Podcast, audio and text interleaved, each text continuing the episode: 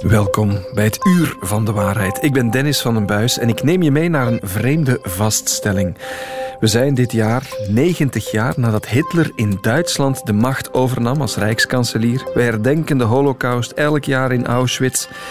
En toch, toch duiken 90 jaar na die machtsovername en na die gitzwarte pagina nog altijd Joodse mensen op als spil, als centrum van complottheorieën. Hoe kan dat? Hoe zit dat? Dat zoek ik voor je uit. Het Uur van de Waarheid. Met Dennis van den Buis. Want je denkt, jodenhaat, complotten daar rond, dat is iets van het verleden. Maar nee, recent onderzoek, sinds corona bijvoorbeeld en door de oorlog in Oekraïne, toont aan dat jodenhaat en joodse complottheorieën opnieuw in opmars zijn. Hoe dat klinkt? Wel, dit horen miljoenen mensen op dit moment als ze luisteren naar hun favoriete sterren of podcasts. There, there's a lot of things that I love about Hitler.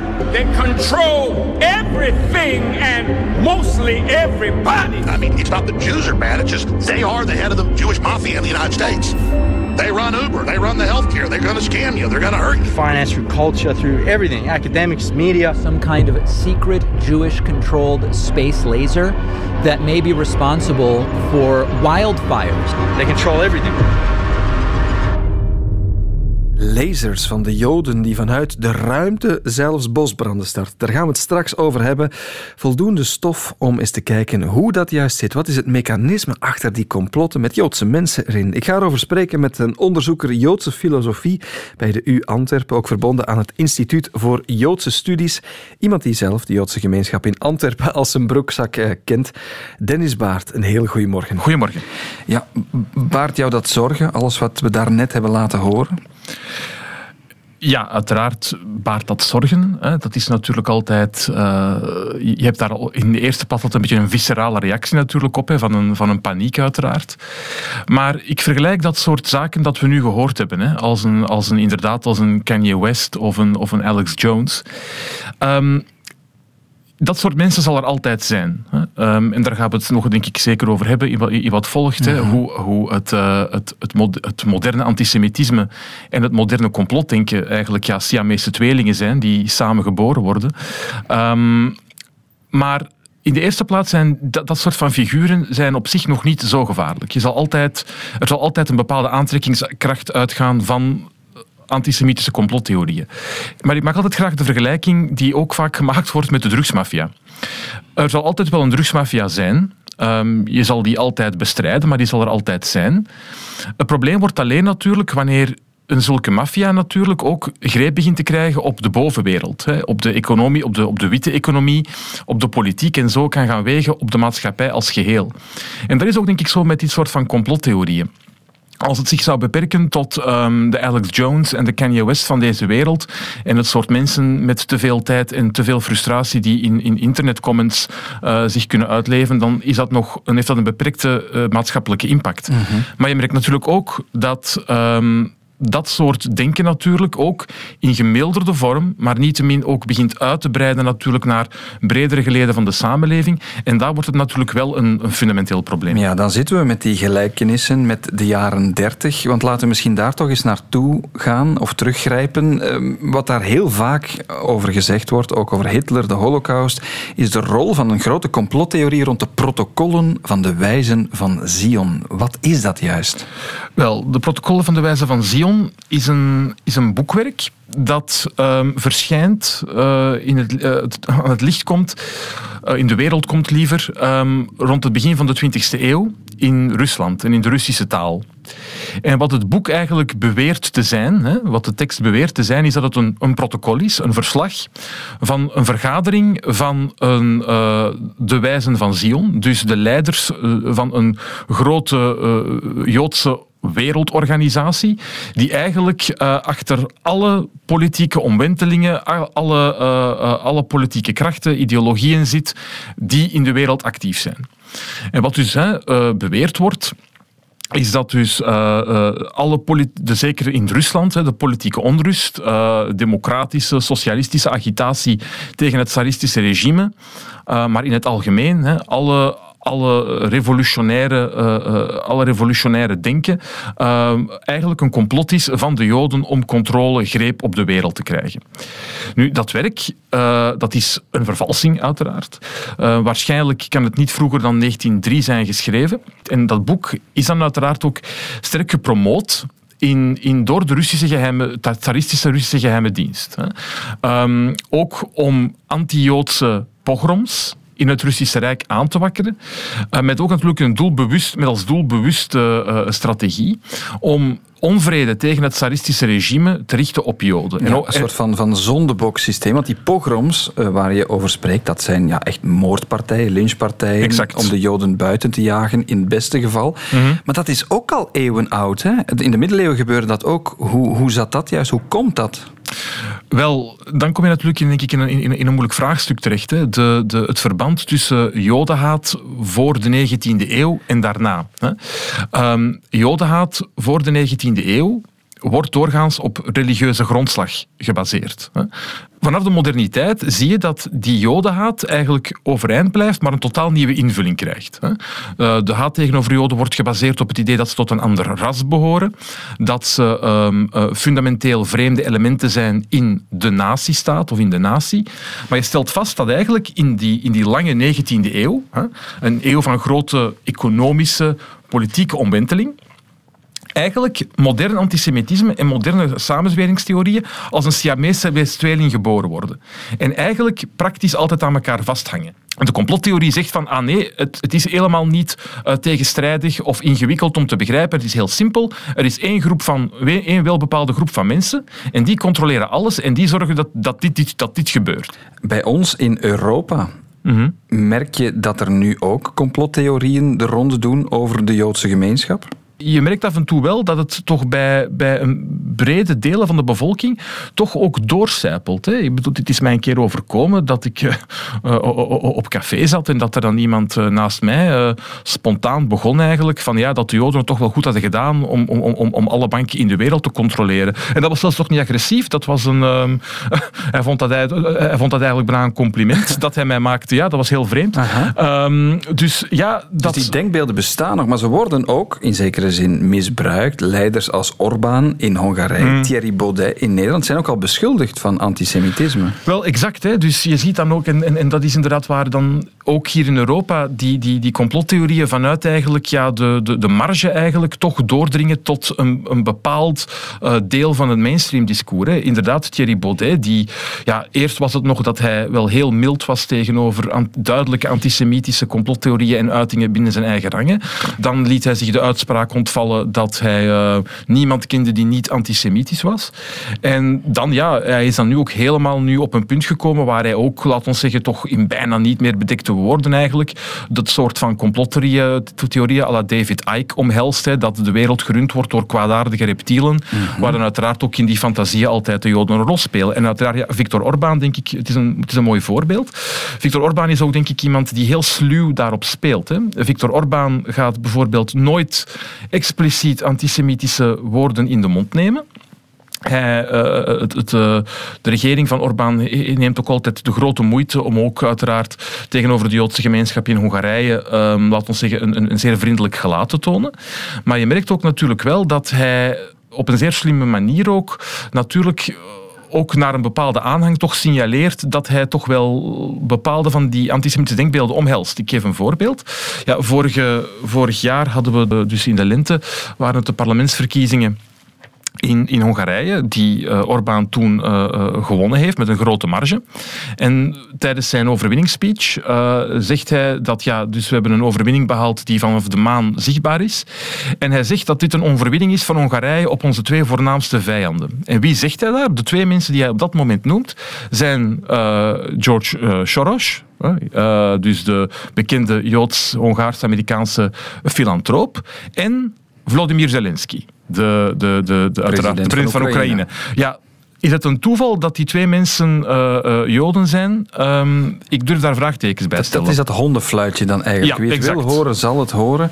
Um, ja, tot slot misschien, wat is die Jewish laser theory die de ronde doet? Dat is toch ook een opmerkelijk verhaal, hè? Wel, ja, kijk, uh, complottheorieën en, en, zeker antisemitische complottheorieën, er is nooit iets... Normaal zeg ik altijd, er is nooit iets nieuws. Het zijn altijd hercombinaties van al bestaande elementen. Maar ik moet zeggen, toen ik er voor de eerste keer over hoorde, um, dacht ik ook van ja, dit is wel nieuw. um, nee, dus de, de Jewish laser-theorie is iets dat eigenlijk al blijkbaar circuleerde in bepaalde extreemrechtse kringen in de Verenigde Staten. Dat dus, um, ja, dus er, uh, dat de Joden, hè, en dan in verschillende constellaties, in samenwerking met, NASA's, uh, met, met NASA en, mm -hmm. en, en, Israël uiteraard, hè, een, een, grote laser in de ruimte hebben staan. En daarmee uh, beginnen ze dan bosbranden in Californië in de Verenigde Staten. En die theorie is eigenlijk een klein beetje aan de oppervlakte gekomen, eigenlijk zowat ja, deel geworden van het algemene debat, door dan ja, een extreemrechts lid van ook de Republikeinse Partij Marjorie Taylor Greene, die dan ook in een tweet daar dan uh, naar verwees. Maar ik denk ook, die, die Jewish Laser geeft ook heel mooi aan hoe ook onder andere uh, antisemitisme functioneert in samenzweringstheorieën. Um, Waarom zijn samenzweringstheorieën ook vandaag, bijvoorbeeld rond corona, maar ook rond die bosbranden in, in, in de Verenigde Staten, zo populair? We leven in gepolariseerde tijden. En dat betekent dat in een debat elk, elk feitelijk element dat ons tegenspreekt, we dat, ja, we dat niet kunnen aanvaarden, want het zou een instorting betekenen van ons gehele zelfbeeld.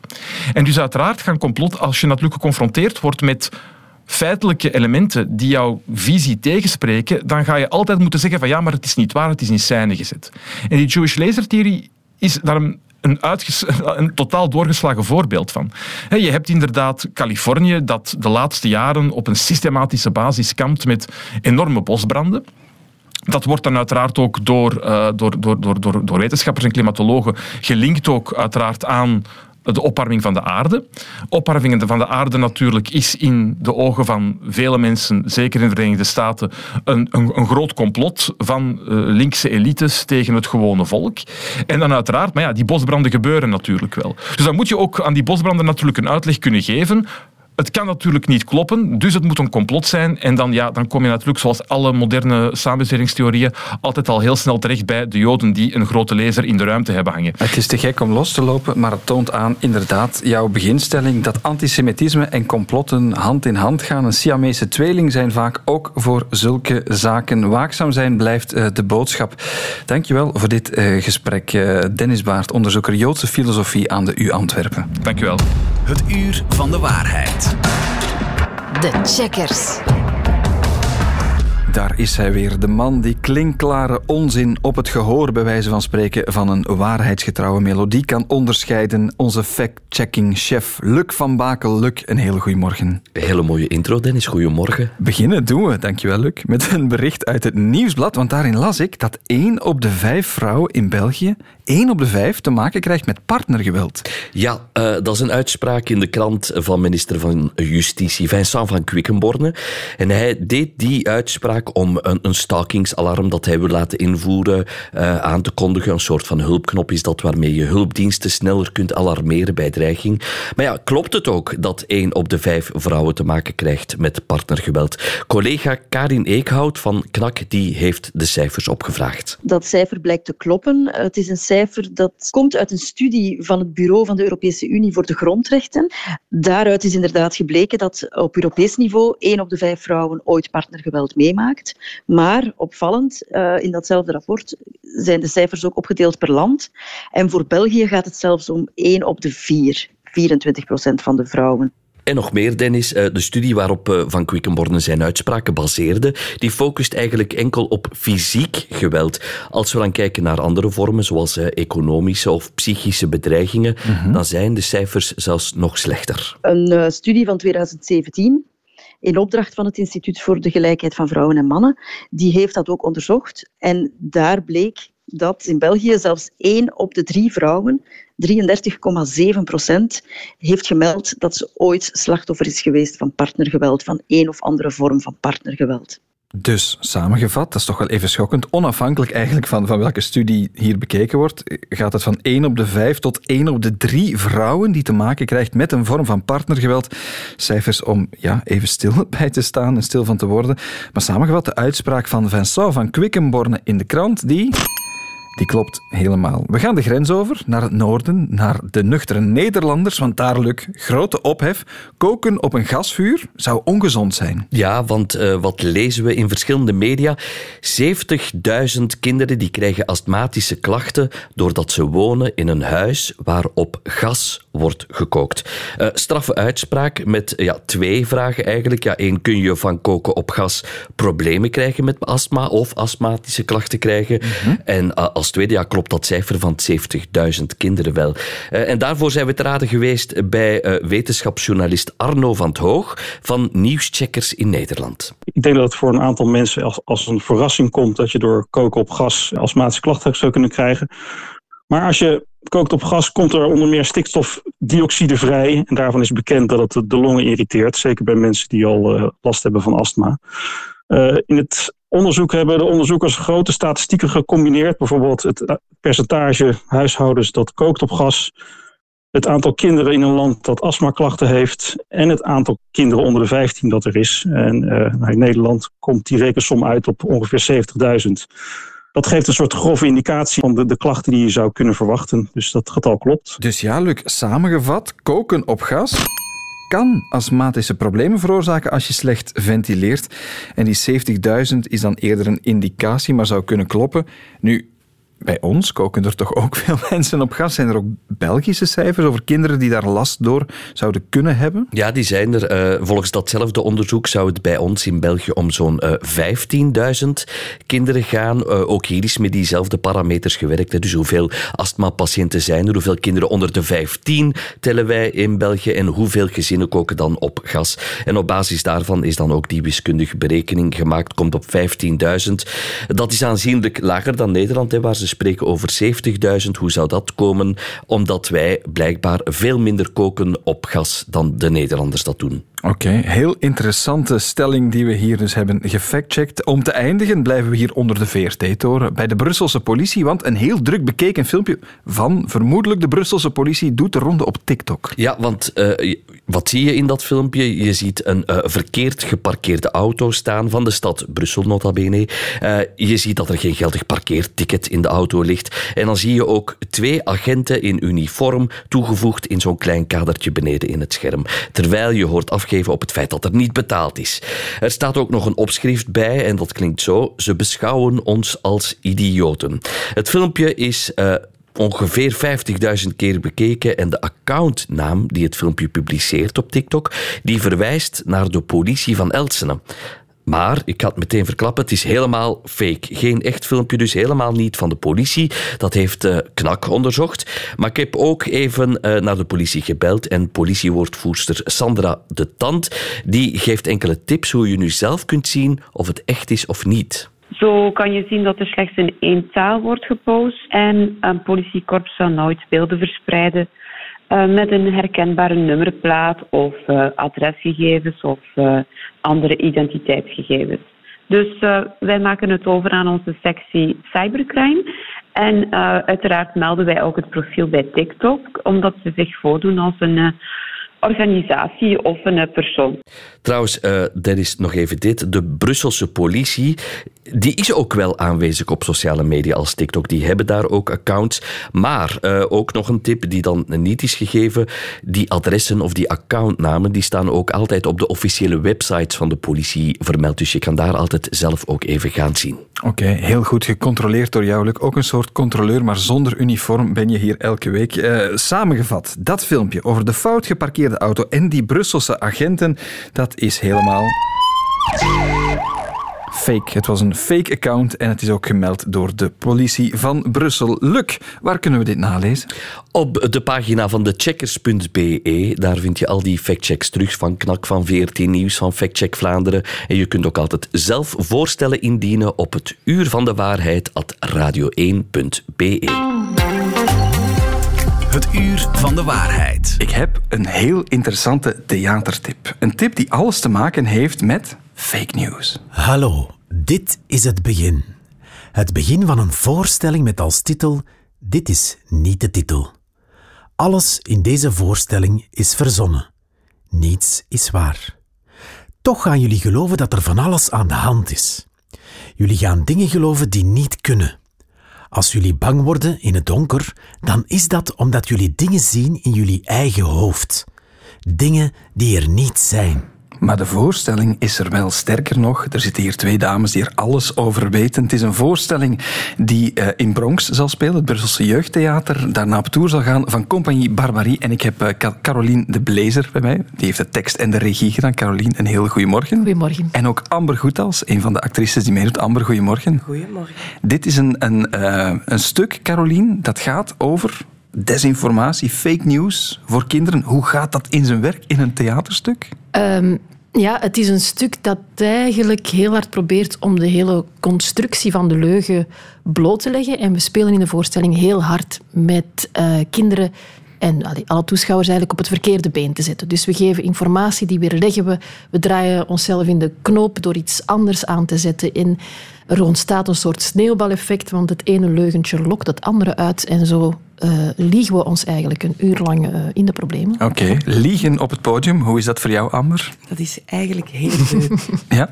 Ja, uh, wij zijn heel snel beginnen improviseren voor deze voorstelling. En het werd snel duidelijk dat er niks zo leuk is als je reinste onzin bij elkaar verzinnen. Um, dus ja, nee, dat is heel leuk eigenlijk. Ja. Mm -hmm. En hoe zijn jullie op het idee gekomen om daarmee aan de slag te gaan? Ja, omdat het, het sowieso wel iets is bij kinderen Um, en we hebben zelf ook kinderen en, en dat je voelt van ah, die brengen ook meer, meer en meer informatie, hoe ouders worden, meer en meer informatie dat er binnenkomt van de buitenwereld en dat je voelt van ah, maar wacht, mijn kinderen beginnen hier toch ook dingen te geloven of voor waar aan te zien die eigenlijk misschien helemaal niet kloppen. Ze zien dingen, ze vinden iets op YouTube of iemand heeft iets verteld. En je voelt wel dat kinderen zeker heel vatbaar zijn voor zo het beste verhaal, het spannendste, het, uh, het, uh, ja, ze, die nemen heel snel heel veel dingen voorwaar aan. Mm -hmm. ja. ja. dat is iets leuks om als ja. acteurs en als, als scenaristen mee aan de slag te gaan. Maar het is misschien ook gevaarlijk. Hoe, hoe ga je die grens duidelijk maken of bewaken? Hoe, wanneer komt die klikker bij die kinderen? Of is dat helemaal de bedoeling niet van het stuk? Ik denk, zoals je net hebt laten horen in de intro van de voorstelling, zeggen we eigenlijk al of geven we al aan, wij gaan liegen. Alles is verzonnen. Uh, maar we proberen heel hard met hoe we liegen en de scènes die we hebben gemaakt om het aan het publiek over te laten wat ze nu wel of niet geloven. Hoe dat, dat komt, uh, dat je het ene ding wel gelooft en het andere niet. En hopelijk uh, achteraf in de foyer kan daar dan nog goed over verder gediscussieerd worden. Dus het is wel echt een poging om kinderen en hun familie en vrienden um, de vraag te stellen waarom geloof je iets wel en waarom iets anders dan weer niet. Mm -hmm. Ja, eigenlijk, het gaat nu over kinderen, maar het is iets waar we allemaal mee te maken hebben. Mm. Iedereen wil wel een beetje misleid worden of, of dat geloven. Is het trouwens voor alle kinderen? Want, want kleuters en peuters, ja, die geloven alles bij wijze van spreken wat iemand met gezag zegt soms. Hè? Het is een voorstelling uh, voor 7 plus, dus vanaf 7 jaar. Uh, we hebben al een paar keer een testpubliekje in de zaal gehad en we merken wel dat dat effectief uh, vanaf zeven jaar. Ze, ze, begrijpen dat concept heel goed wel. Mm -hmm. Ja, hopen jullie daar ook iets mee te bereiken, uh, Caroline? Um, ja, ik, ik denk het wel. Ik denk dat je echt, zoals Amber zegt, dat je probeert een, een gesprek op gang te geven van waarom geloof jij dit en waarom gelooft uw vriendje iets anders en waarom gelooft uw moeder nog iets anders en, en, en hoe komt dat? En dat je voelt van omdat we een hele tijd zo doen schipperen tussen dit zou waar kunnen zijn, dit zou ook waar kunnen zijn, dit is duidelijk gelogen. Voel je, je moet je eigenlijk de tijd verhouden tegenover alle informatie die je binnenkrijgt. En dat soort besef van u leren te positioneren tegenover de dingen, niet zomaar iets aannemen. Ja, als je daar iets mee zou kunnen bereiken, dan hebben we toch al... Ja, ja. Zijn het gesprekken die jullie zelf ook hebben met jullie kinderen of kinderen in jullie omgeving? Ik zie ja. twee mensen knikken. Ja, absoluut. Uh, mijn oudste heeft sinds de zomer een smartphone. Uh, de wereld is open. Ja, voilà. En is ook een grote fan van YouTube. Dus dat zijn echte gesprekken thuis. Hè. Uh, dat is niet waar, dat wel. En ik vind dat ze daar wel ook op school en met hun vriendjes al veel over praten. Ze zijn minder naïef dan ik was, denk ik, op die leeftijd. Uh, maar dat zijn zeker de gesprekken, absoluut. Oké. Okay. Uh, volgende week, exact over een week, is het de première in Bronx in Brussel. Daar zijn geen tickets meer voor, Caroline? Nee, blijkbaar is het wachtlijst. Maar um, er is wel nog... ja, we spelen heel veel daarna op tournee door heel het Vlaamse land. Dus alle info op www.bronx.be. Ja, die tour komt eraan. Ik mag jullie geen succes wensen, want dan komt het niet goed. Nee. Oh, en of dat nu gelogen is van mij of misleiding, dat zullen we later ontdekken. Dames, dankjewel om te komen. Dankjewel. Ga allen kijken naar uh, dat mooie stuk in Bronx en later op tournee. Dank jullie wel. Het uur van de waarheid. Waar wanhopige mensen zijn, zijn charlatans dichtbij. Dat uh, is iets wat je over alles kan zeggen, maar ook over long covid, langdurige covid. Mensen die heel lange tijd nadat ze een covid-infectie hebben gehad, soms maanden nadien, ja, wanhopig zijn, omdat ze nog altijd last hebben van hoofdpijn, kortademigheid en ga zo maar door. En dan zijn er op de medische markt of op de minder medische markt mensen die behandelingen aanbieden. En specialisten waarschuwen er al een tijdje voor. En nu opnieuw, want het blijft maar bezig. Eh, we gaan erover spreken met Wietse Wiels, neuroloog aan de VUB en het UZ van Brussel. En ook de voorzitter bij SCEP. Je weet wel, dat is die kring die alles met pseudowetenschap en het paranormale heel, heel goed in de gaten houdt. Witse, een heel goede morgen. Goedemorgen. Witse, wat voor behandelingen worden er zoal aangeboden aan mensen die zeggen: Ja, ik heb heel veel last nog altijd van die COVID-symptomen? Wel, um, dat is een beetje van alles. In die zin dat we zien um, dat uh, mensen ja, uit het alternatieve circuit um, eigenlijk dezelfde recepten uh, van altijd recycleren om nu bij uh, long-covid in te zetten. Dus het is niet per se zo dat er nieuwe zaken worden uitgevonden, of bij mijn weten, maar dat men een beetje de klassiekers inzet. En wat bedoel ik dan? Ja, dat is dan vooral allerlei supplementen die verkocht worden, maar ook bepaalde toestellen die functies zouden ondersteunen enzovoort en zo verder. Mm -hmm. Ja, ozontherapie. Ik heb ook iets gezien van, van een arts die dat aanbiedt. Je kan 100% zuivere lucht gaan inademen. Werkt dat dan allemaal niet? Wel, um, of het niet werkt, dat kun je natuurlijk niet bewijzen, want je kunt niet bewijzen dat iets niet bestaat. Hè. Maar het is zo in de, in de wetenschappelijke geneeskunde, hè, wat we evidence-based geneeskunde vaak noemen, um, is het zo dat wanneer je zegt dat je een of andere behandeling aanbiedt, dat jij moet bewijzen dat die werkt. Is te zeggen dat dat beter werkt dan het fameuze placebo, hè, dus alsof doen, of eigenlijk nog beter dan placebo, dan een standaardbehandeling, hè, dan iets wat al gebruikelijk is en waarvan dat we weten dat het werkt. En zolang je dat niet gedaan hebt, kun je daar eigenlijk niet van zeggen dat het werkt. -hmm. Maar hoe weet ik nu, als er door echt een arts zo'n zuurstoftherapie of ozentherapie wordt aangeboden, dan ga ik er misschien toch vanuit, zeker als ik die klacht heb, ja, dat is een arts, dat zal wel werken, dat is iemand die daarvoor gestudeerd heeft. Ja, dat klopt en dat is ook een begrijpelijke insteek. Nu, er zijn natuurlijk ja, een vijftigduizendtal artsen uh, in ons land. Uh, dus het is ook niet zo uh, verbazend dat er af en toe iemand een keer een bocht mist. Nu, bovendien ja, is het zo dat er in de geneeskunde in het algemeen ja, verschillende graden zijn, om het zo te noemen, van bewijskracht. En voor sommige dingen, sommige behandelingen is de bewijskracht echt verpletterend en heel overtuigend. Terwijl voor andere zaken, met name ook voor, hoe zal ik het zeggen, de meer, de meer kwaaltjes achtige uh, aandoeningen, waar ik long-covid niet onder reken, voor alle duidelijkheid, uh, dat daar ook niet zoveel bewijs voor is. Hè, dus dat daar inderdaad wel veel ruimte is voor de zogenaamde therapeutische vrijheid. Mm -hmm. Nu, wat iemand kan doen, is dan ja, als die daaraan twijfelt, overleggen met een andere arts of kijk aan die arts vragen, de huisarts of wie dan ook, van ja, waarop baseert u zich? Zijn er andere verenigingen of zo die dat zeggen? Maar toegegeven, dat is voor een, een burger uh, helemaal niet gemakkelijk, want wat zullen zo'n mensen doen? Uh, is dan meestal, wanneer je vragen stelt, ja, u helemaal overdonderen met allerlei studies en beweringen en moeilijke woorden, waardoor het inderdaad zeer moeilijk wordt om dat op u uh, allee, als individu, als burger uh, te factchecken, om het zo te zeggen. Ja, mag ik misschien daar nog iets uithalen? Want je sprak, Witse, over supplementen innemen. Mm -hmm. ja, denk aan vitaminen mm -hmm. of allerlei andere, allerlei mm -hmm. andere preparaten. Ja, daar is toch op zich niets mis mee, denk ik? Nee, daar is niets mis mee. En uh, Osler, dat was een heel bekende uh, Canadees-Amerikaanse arts, die heeft ooit uh, de one-liner uh, gelanceerd. De mens onderscheidt zich van andere diersoorten door de wens om medicijnen in te slikken. dus mensen nemen graag dingen in, hè, omdat dat ja, geassocieerd dat met beter worden.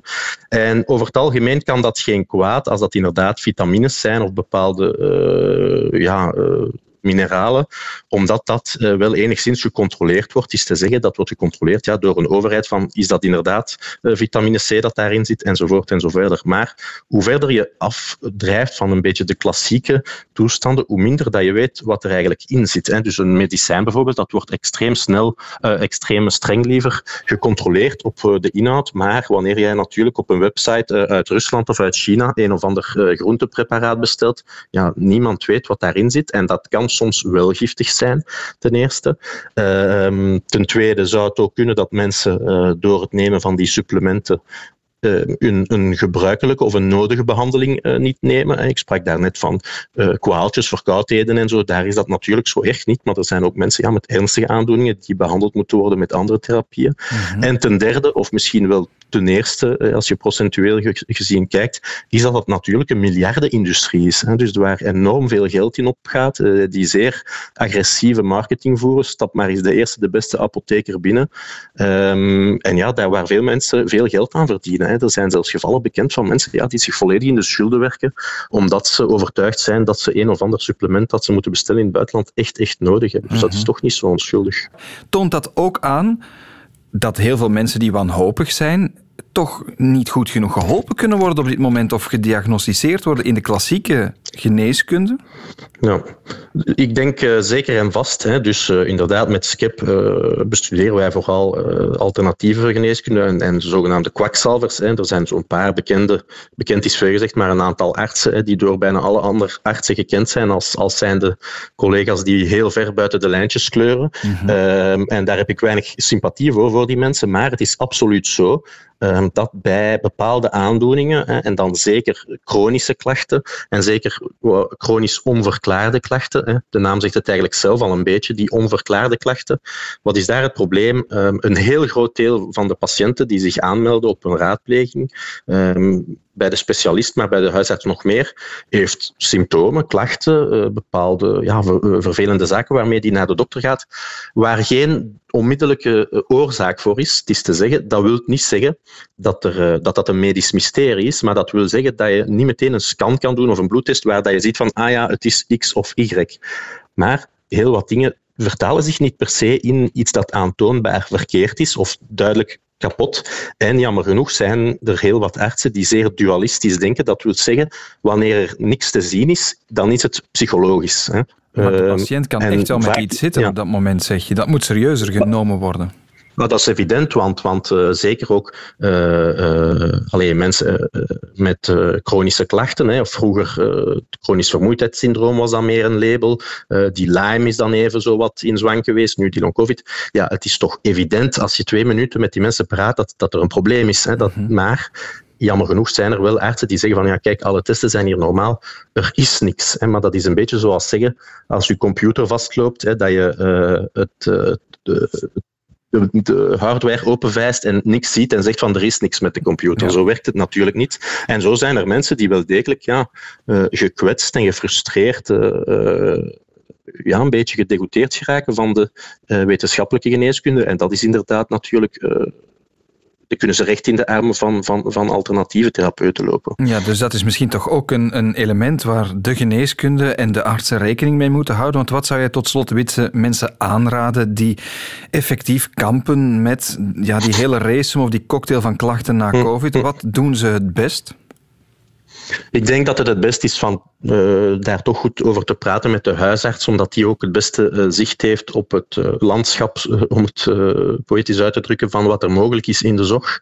Dus ik denk dat het toch belangrijk is van er niet mee te blijven zitten en met de huisarts te gaan spreken over, over de problematiek en samen te kijken of een oplossing mogelijk is. En er, er is daarom niet altijd direct een oplossing, maar we weten wel bij, bij dat soort klachten wanneer die een paar maanden duren, is er nog een redelijk grote kans dat die vanzelf overgaan, zoals de meeste medische problemen. Maar vanaf, laten we ons zeggen, ja, een jaar, een jaar en een half, twee jaar, de kans dat dat daarna nog vanzelf zal overgaan, is al veel kleiner. Met andere woorden, wacht er toch niet te lang mee um, van het te bespreken met je huisarts. Een goed advies en zeker niet ingaan op al die schimmige aanbiedingen die er helaas zijn voor mensen die wanhopig zijn over hun klachten na een uh, ja, covid-besmetting, klachten die lang kunnen aanslepen. Witse Wiels, neuroloog van de VUB in het UZ Brussel en van SCEP, dankjewel om bij ons te zijn.